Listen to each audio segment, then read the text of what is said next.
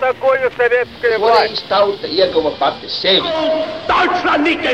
Liktenīgas nejaušības un slēptas likumsakarības, subjektīvas patiesības un objektīvi aizspriedumi. Pēc atkušņa nekad nenāk uzreiz pavasars, bet sākās Arī šodien cilvēki ir ļoti tuvredzīgi. Viņi redz to naudu, kas ir. Televīzijā jau pamatā notiek cīņa par varu. Pagātne no šodienas skatu punkta un šodienas caur pagātnes prizmu. Raidījumā šīs dienas acīm. Katru svētdienu Latvijas radio eterā Eduards Liniņš. Labdien, cienījamie klausītāji!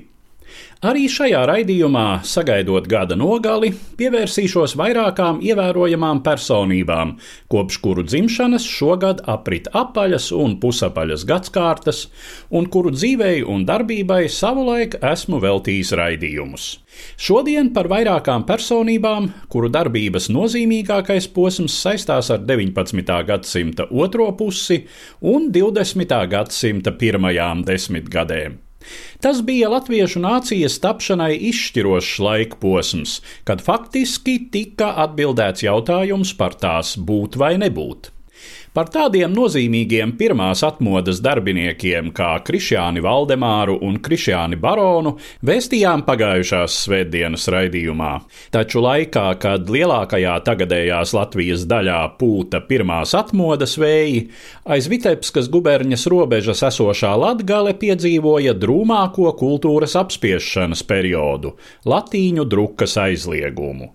Kā pretestība šim cara valdības kultūrālajam despotismam tappa latgaliešu rokrakstu literatūra, kuras spilgts pārstāvis ir nautrēnietis Andrijus Jūrčs, kopš kura dzimšanas 12. decembrī apritēja 175 gadi. Stāsta Latvijas Universitātes Latviešu valodas institūta vadošā pētniece Anna Stafetska. 19. gadsimta otrā puse ir laiks, kad Rietumē Eiropā viļņo nacionālā kustība. Baltijas gubernis latviešu kultūras dzīve ir intensīva, notiek pirmie dziesmu svētki, iznāk grāmatas, veidojas nacionālā inteliģence. Un tai pašā laikā no pārējās latviešu teritorijas nošķirtajiem Vitebskas guberņas latviešiem, jeb latgaliešiem, tāpat kā lietuviešiem, ir drakoniskais latīņu burtu drukas aizliegums. Un tas nozīmē ne tikai aizliegumu lietot latīņu burtus iespiestajos tekstos, bet arī jau esošo grāmatu iznīcināšanu. Vēl manā bērnībā vecie cilvēki stāstīja, kā žandarmi pie baznīcām sieviņām ņēmuši nost lūkšanu grāmatas. Vienlaikus tās ir skolas ar krievu mācību valodu, ar aizliegumu sarunāties latviešu, izcēlās 1863. gadā tā sauktais poļu dumpis, jeb poļu sacelšanās, kura mērķis bija atjaunot Poliju tās vēsturiskajās robežās, iekļaujot arī Baltkrieviju, Lietuvu un tagadējo Latgali, kura toreiz bija Vitebskas guberņas sastāvdaļa. Un pēc šī dumpja apspiešanas, tad cara valdība asi vērsās arī pret latīņu burtiem drukātu vārdu. 1865. gadā tiek izdots cirkulārs par krievu burtu ieviešanu drukātajos tekstos. Taču tradicionāli par drukas aizliegumu sākumu Latvijā pieņemts uzskatīt 1865. gadu. Kā raksta izcilais Latvijas vēstures pētnieks Boļislavs Brežgo, nereti par faktisko drukas aizliegumu sākumu uzskata 1871. gadu, kad vietējā cariskā administrācija Latvijas kultūras darbiniekam Gustavam Mantēfelim piespieda apsolīt, ka viņš vairs nerakstīs lietuviskas grāmatas poļu burtiem. Tātad cara ierēģiem pašiem arī lielas sajāgas par to, kas ir latgaliskais, kas lietuviskais, kas poliskais. Nebija galvenais bija šī antīka vai jeb latīņu burti, jo jāpiezīmē, ka latgalē gotu burti nav bijuši, ir bijuši tikai latīņu burti. Nu, un, protams, sākās tālākas represijas un tālāki pasākumi. 1865. gadā tika nodrukāts Vitebskas gubernes latviešiem domātais kalendārs Krievu burtiem lējas latviešu valodā. Varat iedomāties. Tātad cilvēki neprata lējas latviešu valodu. Krievu burtus varbūt tie, kuri tur skolā pamācījās, prata. Bet tauta šīs grāmatas nepieņēma. Un jo sevišķi tam pretojās baznīca, jo saskatīja šeit pareizticības propagandu un aicināja tautu neiegādāties. Kaut arī pārējos Latvijas novadus, kurzemi, vidzemi šis aizliegums neskāra. Latviešu grāmatas tur drukātas nebija. Jo pirmkārt, tā bija atšķirīga rakstība, gotu burti un latīņu burti, dažāda ticība, luterāņi un katoļi. Un, protams, arī atšķirīgi dialekti, jo vienkārši nevarēja saprast, ja būtu arī drukātas, teiksim, lēs latviešu valodā. Es domāju, ka ļoti maz kas zināms bija par Latviju arī pārējā Latvijā. Vēl es pieļauju, ka varbūt nebija latīņu burtu tipogrāfijās. Šī ļoti liela atšķirība tomēr bija. Tātad tie viņa pusaivieks, te ir poļi, apmēram tā bija. Vai vitepskieši labākajā gadījumā, vai viņi latvieši, vai viņi nav latvieši. Atsevišķi zinātnieki braukādami to pētīja gan Bīlensteins, gan Becenbergers. Tās izloksnes tātad uzskatīja par latviešu izloksnēm, kā tam jābūt. Bet pārējā Latvijā, vidzemē, kurzemē tiešām šī interese bijusi, acīm redzot, ir bijusi ļoti maza. Un pat Latviešu biedrībā, kad Francis Trasuns ir lasījis referātus un iepazīstinājis ar Latgali un lūdzis palīdzību šai jautājumā, tas jau gan drusku cīt vēlāk bija, bet nu vēl joprojām drukas aizlieguma laikā, tad viņš saņēma atbildi, lai vitepskieši palīdz paši sev, diemžēl. Nu, kas notiek Latgalē? Baznīcas ietekme ir ļoti spēcīga, ir prasība zināt katehismu, zināt lūkšanas un arī prast lasīt lūkšanu grāmatā. Un šai laikā dažas latgaliešu grāmatas tiek iespiestas ārzemēs - Holandē, Vācijā, Zviedrijā, Somijā un kontrabandas ceļā ievestas Latgalē. Tās galvenokārt ebreju tirgotāji ieveda. Bija tāds zēļiks no Dagdas, kas ļoti populārs, kas šīs grāmatas ieveda. Tās bija pirmkārt ļoti kļūdainas, otrkārt ļoti dārgas, un zemniekam, kurš tikko vēl atbrīvojies no dzimbūšanas, vienkārši to iegādēt trūka līdzekļu. Un ko darīs Latvijas zemnieks? Bez lūkšanu grāmatām garīgā dzīve nav iedomājama. Nu, tā rūpīgi tiek glabātas pirms drukas aizlieguma iespiestās vecās lūkšanu grāmatas, kas arī kalpoja kā abeces mājmācībā. Pārakstītas ar roku atsevišķas nodilušās lapas, pamazām arī veselas grāmatas. Un vēlāk arī ar roku tika rakstīti praktiski padomi zemniekiem, folkloras materiāli, retāk pašautoru oriģinālu sacerējumi. Un radās ar vien vairāk un vairāk ar roku pārrakstītu grāmatu.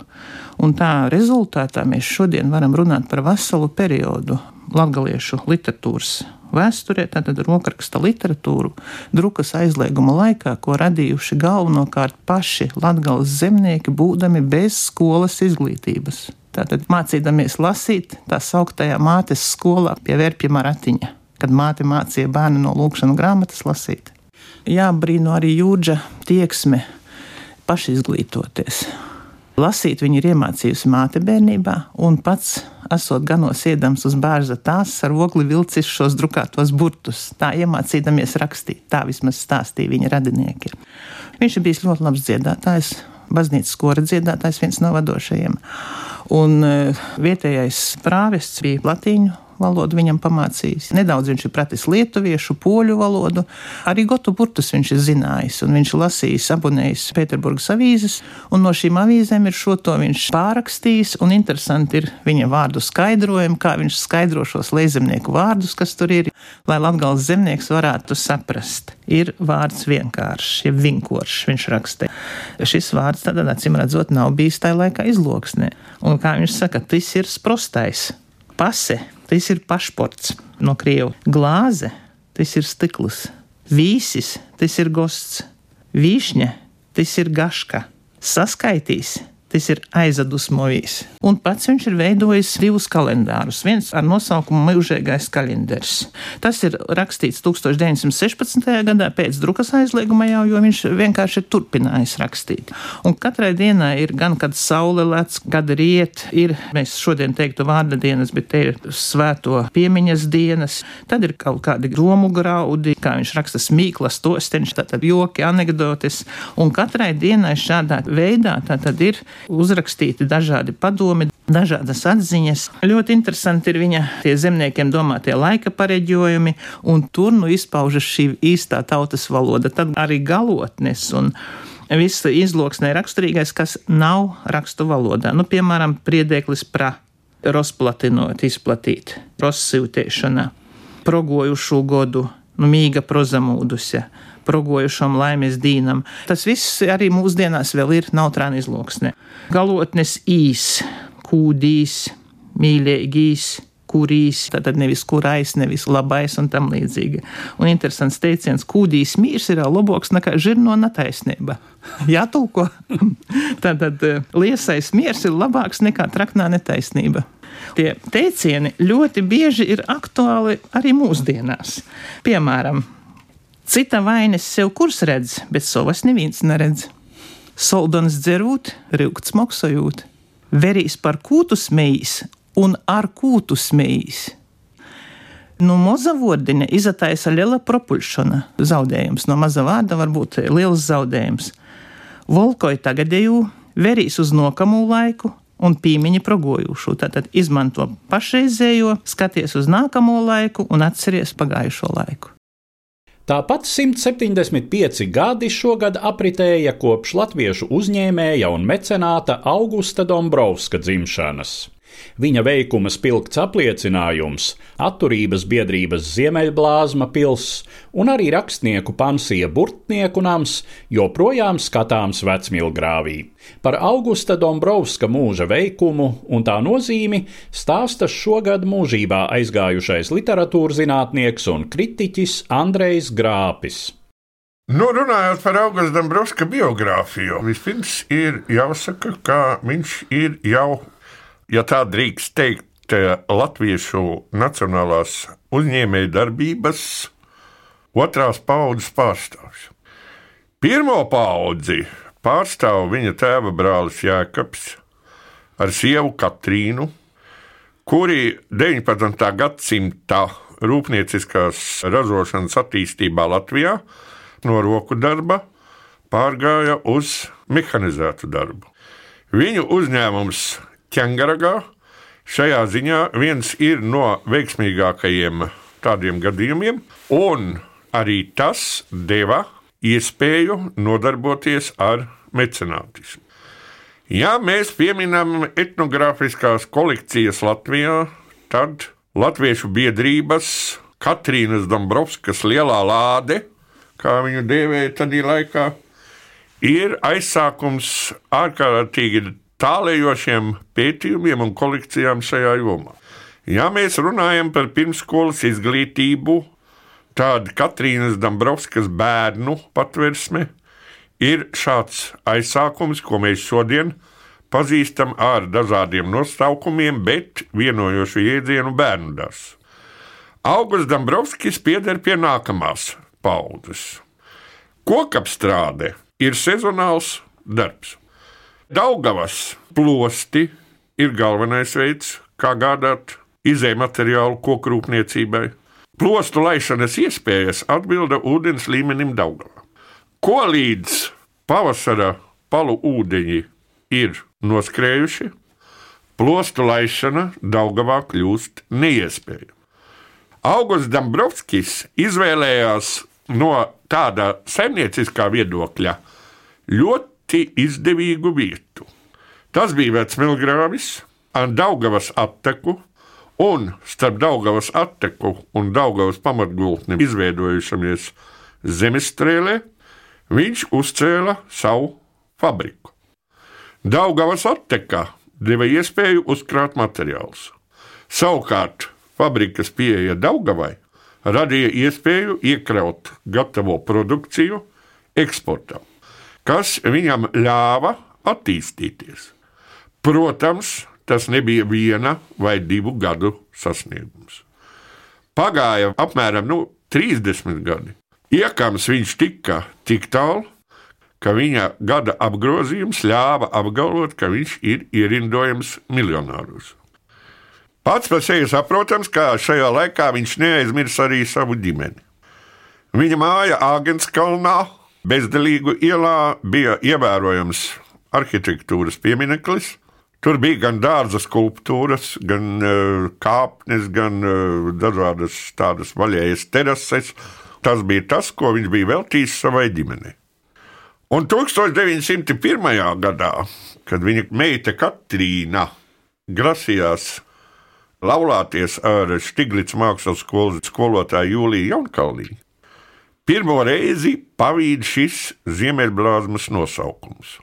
Lielu pūru es tev nevaru dot, man Milgrāvī jāceļ nams atturības biedrībai.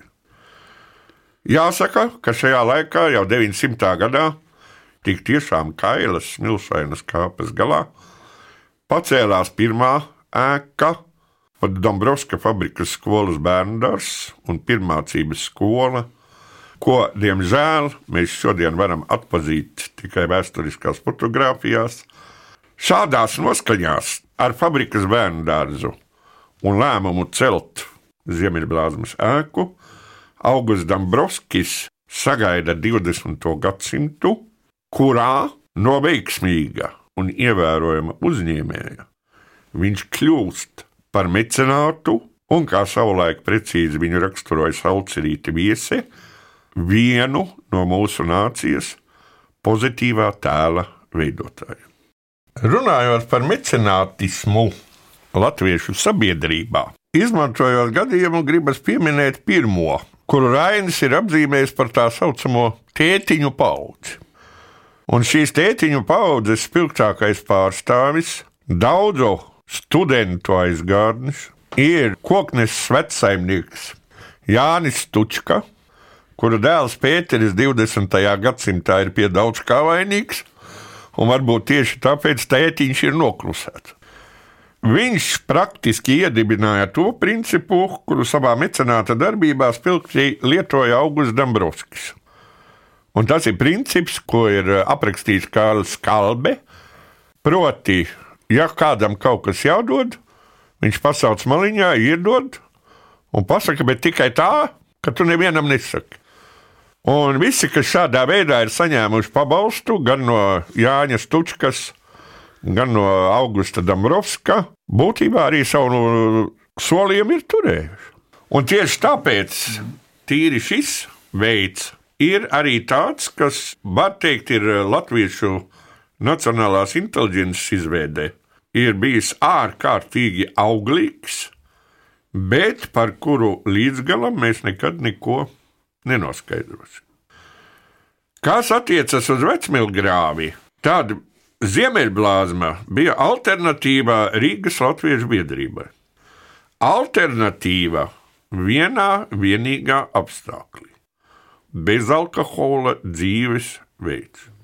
Tas pirmkārt nozīmē vecmilgrāvi kā ciematu. Tad, kad desmit strādnieku vietā radās 50, 50 strādnieku vietā rodas 100, viņi ir jāpiesaista šai vietai, lai nebūtu transporta izdevumu. Un tā ir maģistrāla nostādne 20. gadsimta sākuma jebkuras vietas attīstībā. Viņiem ir arī jāgādā ne tikai par infrastruktūru, par veikalu, frizētavu, zobārstu, doktorātu. Nu, paldies Dievam, baznīca jau bija vairākus gadsimtus, bet ir jāgādā arī par brīvā laika pavadīšanu. Un Ziemeļblāzma, kas laika posmā līdz Pirmam pasaules karam, tik tiešām varēja lepoties ar to, ka savos sasniegumos, savos pašdarbības, pusprofesionāla teātras sasniegumos, kora, orķestra sasniegumos patiešām piederēja pie labākā, ko savs laiks varēja sniegt, bija kā alternatīva bez alkohola lietošanas biedrības telpās un biedrības dārzā. Protams, var atrast veselu virkni atmiņu, kā nu kuru reizi ar to nelietošanu tajā pašā biedrības dārzā un biedrības svētkos bija. Taču tas ir atsevišķais. Bija šis bezalkohola princips. Tas tika ievērots arī Burtnieku namā.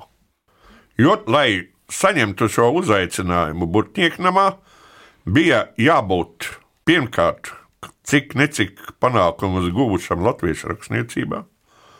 Otrakārt, apliecinājušam savu nostāju 1905. un 1906. gada brīvības cīņās, un treškārt, bezalkohola dzīvesveida iespējamība. Īres maksa varēja būt atcelta, ja mākslinieks vai rakstnieks līdzdarbojās bezalkohola biedrībā Ziemeļblāzma. Un šādi biedrībai tika piesaistīts Jānis Jaunsudrabiņš, tika piesaistīts Leons Paigli, Lizete Skalbe darbojās biedrības bibliotekā, līdz ar to arī Kārlis Skalbe, lai cik lirisks un nepraktisks būdams, arī baudīja zināmu labvēlību. Neaizmirsīsim, ka visi krišņāņa barona portreti, kādi ir mūsu rīcībā, gan Teodors Zārkalns, gan Rozentāls, gan Jaunsadarbīņa, ir tapuši Burtnieku nama darbnīcā. Burtnieku nams kā tāds latviešu literatūrā ir atstājis Kāļas kalbes pasakas, ir atstājis Jaunsadarbīņa balto grāmatu, ir atstājis Krišāņa barona Latviju dainu pēdējos sējumus. Vēl noteikti ir jāpiemina tas, kā Ziemeļblāzmas pilsēta, gan arī Burtnieku nams, gan proģimnāzija. Un pats par sevi šodien neskatāmā zaļā skola ir vienots Augusta Dombrovska kultūra vēsturiskais komplekss, kurš, ja mēs paskatīsimies no reliefa viedokļa, ir krietni augstāk kāpas virsotne, salīdzinot ar visu citu pārējo, un nevelti savulaik 20. gados parādījās šī versija, ka latviešu kuģinieks iebraucot Rīgas ostā, pirmais staltais baltais nams, ko viņš redz Daugavas labajā krastā, ir Ziemeļblāzmas pils, un tas ir pašu latviešu veikums. Sabalsojoties ar Andreja Grāpja stāstījumā skarto tematu, mūsu raidījuma noslēguma daļā pievērsīsimies trim spilgtām personībām, kopš kuru dzimšanas šogad apritēja 155 gadi, un kuru mūži lielā mērā savijušies ciešā, bet arī pretrunīgā kamolā. 1865. gadā nāca pasaulē gan latviešu dzējas dižgari un dzīves biedri Rainis un Aspazija, gan Raņa jaunības draugs un sākotnējais domu biedrs, bet vēlāk bolševistiskā režīma nodibinātājs un vadītājs 1919. gada Latvijā Pēteris Stučka. Par Raņa, Aspazijas, Pētera Stučkas un vēl vairāku viņu laikabiedru biogrāfiskajām peripētijām stāsta vēsturnieks, Latvijas valsts vēstures arhīva vadošais pētnieks Jānis Šiliņš. Protams, šī tēma par Raini un Stučku ir ļoti intriģējoša un tādi divi mūži, pat vairāki ar daudziem blakus personāžiem kopā savijušies. Tā varētu teikt, tāda drāma mūža garumā. Tiešām viņi sākotnēji bija ļoti līdzīgi viens otram, abi nākuši no turīgu zemnieku ģimenēm. Pēterim tēvs gan bija turīgāks, un viņš arī nodarbojās ar mecenātismu, un tādēļ Pētera bērnība pagāja arī tādā kultūras darbinieku lokā, jo bieži aicināja tēvs pie sevis uz mājām, tā laika latviešu ievērojams kultūras darbiniekus, un visa tā atmosfēra, kurā auga Pēters, bija jaunatvieši, varētu teikt, tautiskā gara piesātināta. Rainis arī auga turīgi tēva ģimenē. Viņi abi ar Pēteri gāja vienā skolā. Tagad tā ir Rīgas valsts pirmā gimnāzija, tolaik Vācu gimnāzija. Abi bieži pavadīja arī laiku vasarās kopā. Piemēram, Rainis brauca ciemos pie Pētera, un tad Pētera tēvs sagaidīja viņus tur ar uguņošanu un visādām iluminācijām, un tā ar vērienu tur viņi atpūtās. Un, protams, arī Pēterburgā viņi studēja kopā juridiskajā fakultātē. Abi gājuši uz biblioteku, meitenes skatīties kopā, un vispār tā jaunība viņiem, protams, bija ļoti draudzīga un tuva. Un aptuveni vienā virzienā viņi arī virzījās, gan paralēli attālinoties, jo abi darbojās Rainis kā advokāta palīgs, Stučka vēlāk kā advokāts, un abiem simpatizēja sociālisma idejas, un viens no otra pārņēma dienas lapas redaktora vietu. Tā ka tā darbība līdz jaunās strāvas sagrāvē, un pēc tam viņi arī trimdā bija sākotnēji vienā vietā, Slobodskā.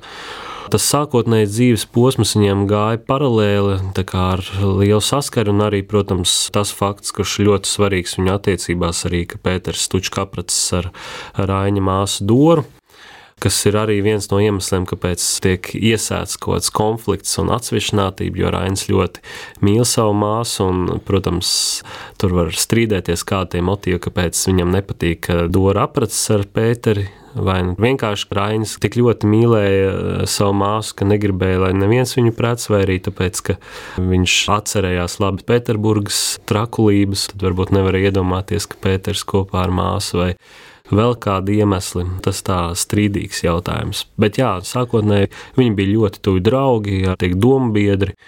Un uh, likās, ka nekas nevarēs šo draudzību satricināt.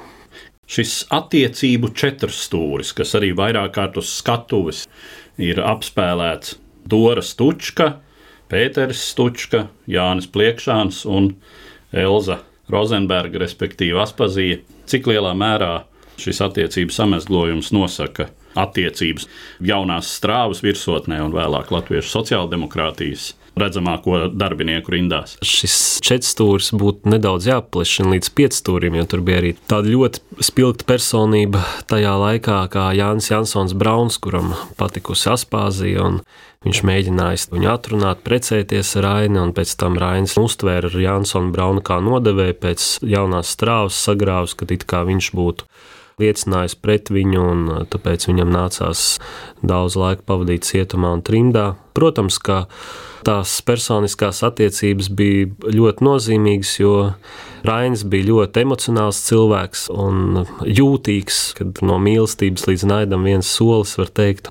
Bet uh, Dora bija, varētu teikt, tāds elements, kas varbūt saturēja kopā šos divus pārus arī tad, kad viņi bija atsevišķināti, jo tā saraksts, kas bija vēlāk Kastaņos laikā un vēl pēc Raina un Aspāzijas atgriešanās Latvijā, Tur var just, ka bērnības ciešās saiknes ar Doru un tā rāņa mīlestības Doru liek viņam visu laiku atgriezties pie kaut kādiem mēģinājumiem izlīdzināt konfliktus, un acīm redzot no Pētera puses arī Doras moments bija ļoti spēcīgs, lai mēģinātu kaut kādu izlīgumu rast vai vismaz nebūt ļoti asās, naidpilni pozīcijās, un tad viņi it kā raksta viens otram. Tur tās vēstules stučkam ļoti maz, bet galvenokārt raksta Dorai, un caur Doru notiek tā komunikācija starp Jānu un Pēteri, bet šie pāri bija ļoti līdzīgi arī.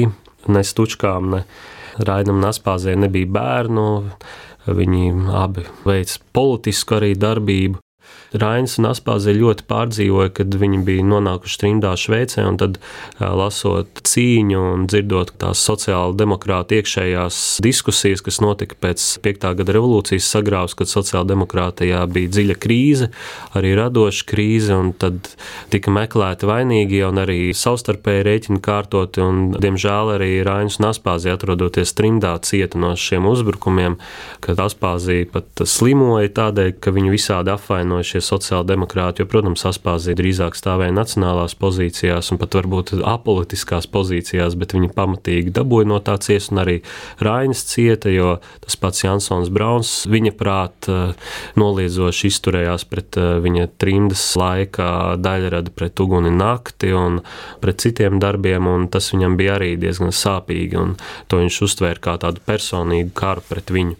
Iespējams, tāds sāpīgākais mirklis pienāca īsi pirms Rāņa atgriešanās Latvijā, 19. gada beigās, 20. gada sākumā, kad jau tā šķelšanās bija sasniegusi kulmināciju, ka katram vajadzēja pateikt, kurās pozīcijās īsti viņš stāv, un Rāņas izvēlējās neatkarīgo Latviju. Un tad padomju Krievijā dzīvojušie komunisti ļoti agresīvi uzbruka Rainim un viņa daļradēji, sevišķi Daugavai viņa darbam. Tur bija arī iespēja samierināties ar Pēteru Stučku, jo Pēters Stučka tomēr aizstāvēja Raini latviešu presē, kas iznāca padomju Krievijā no to laika Andreja Upīša uzbrukumiem un vēlāk no citiem uzbrukumiem, aizstāvot viņu kā tomēr izcilu proletariātu un revolucionāru dzinieku, it kā norobežoties varbūt no Raina tās politiskās darbības, bet uh, aizstāvot viņu kā dzinieku. Līdz ar to izskan mūsu raidījums, kas bija veltīts vairākām pagātnes personībām, kopš kuru dzimšanas šajā gadā atzīmējām apaļas un pusapaļas gadsimtas. Raidījumā dzirdējāt šogad mūžībā aizgājušo literatūras zinātnieku Andreju Grāpi, Latvijas Universitātes Latviešu valodas institūta vadošo pētnieci Annu Stafetsku un Latvijas valsts vēstures arhīva vadošo pētnieku Jāni Šiliņu. Savukārt šī gada pēdējo raidījumu, kas izskanēs nākamsvētdien, 27. decembrī, veltīšu vairākiem šī gada jubilāriem, kuru devums mūsu nācijai bijis nozīmīgs pēdējos simts gados. Uz redzēšanos, cienījamie klausītāji! Katru svētdienu Latvijas radio viens par pagātni sarunājas Eduards Liniņš.